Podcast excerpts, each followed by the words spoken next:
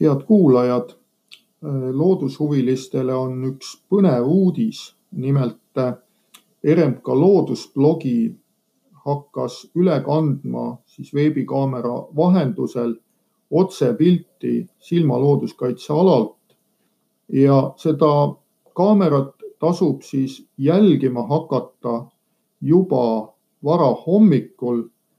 nimelt see on sellises kohas, kus on siis väga hea helitaust keset siis linnukaitseala ühes kõige paremas kohas lindude jälgimiseks. ja kui varahommikul üles ärgata ja võtta siis kohvitass kõrvale, siis ühelt poolt on kuulda lahel tegutsevate veelindude hääli.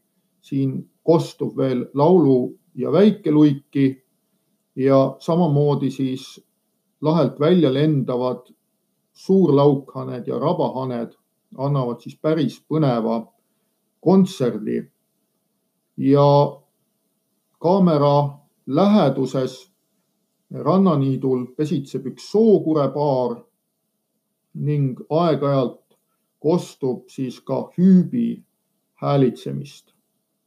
Ja teiselt poolt selle kaamera kõrval on ka metsatukk, kust võib kuulda noh, selliste tavalisemate laululindude hääli.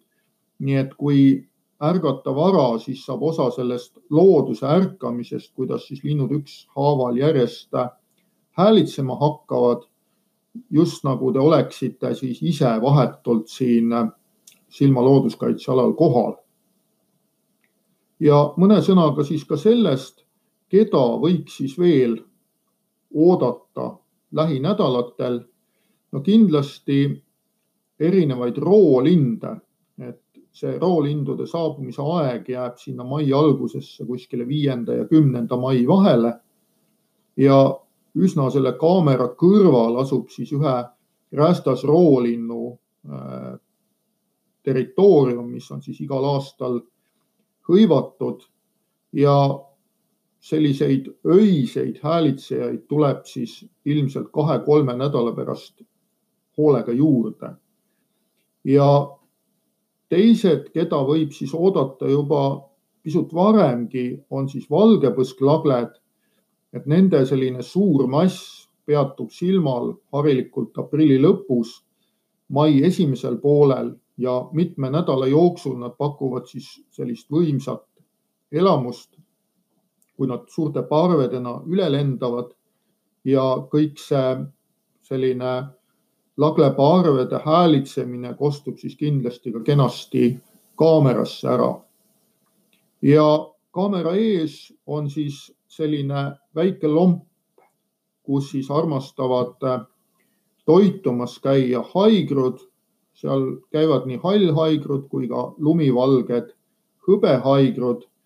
Nende koloonia, mis on siis Eesti üks suurimaid, asub mõne kilomeetri kaugusel ja see saun ja laht on nendele siis selline toitumiskoht, kus on alati rikkalikult toitu ja kaamera ees olevas siis madalas vees püüavad nad veeputukaid, tillukesi kalu ja, ja muid siis selliseid veeloomi, keda sealt siis leida võimalik on.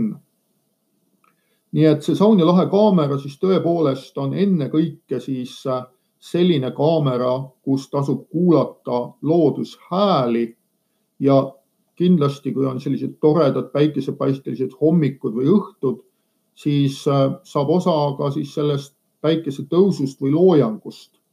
Ja sellel ajal, kui meil ei ole võimalik hulgakesi siin looduses matkamas käia, pakub see kaamera siis vahetut võimalust osa saada kõigest sellest suurepärasest, mis silmal selle kevade jooksul juhtub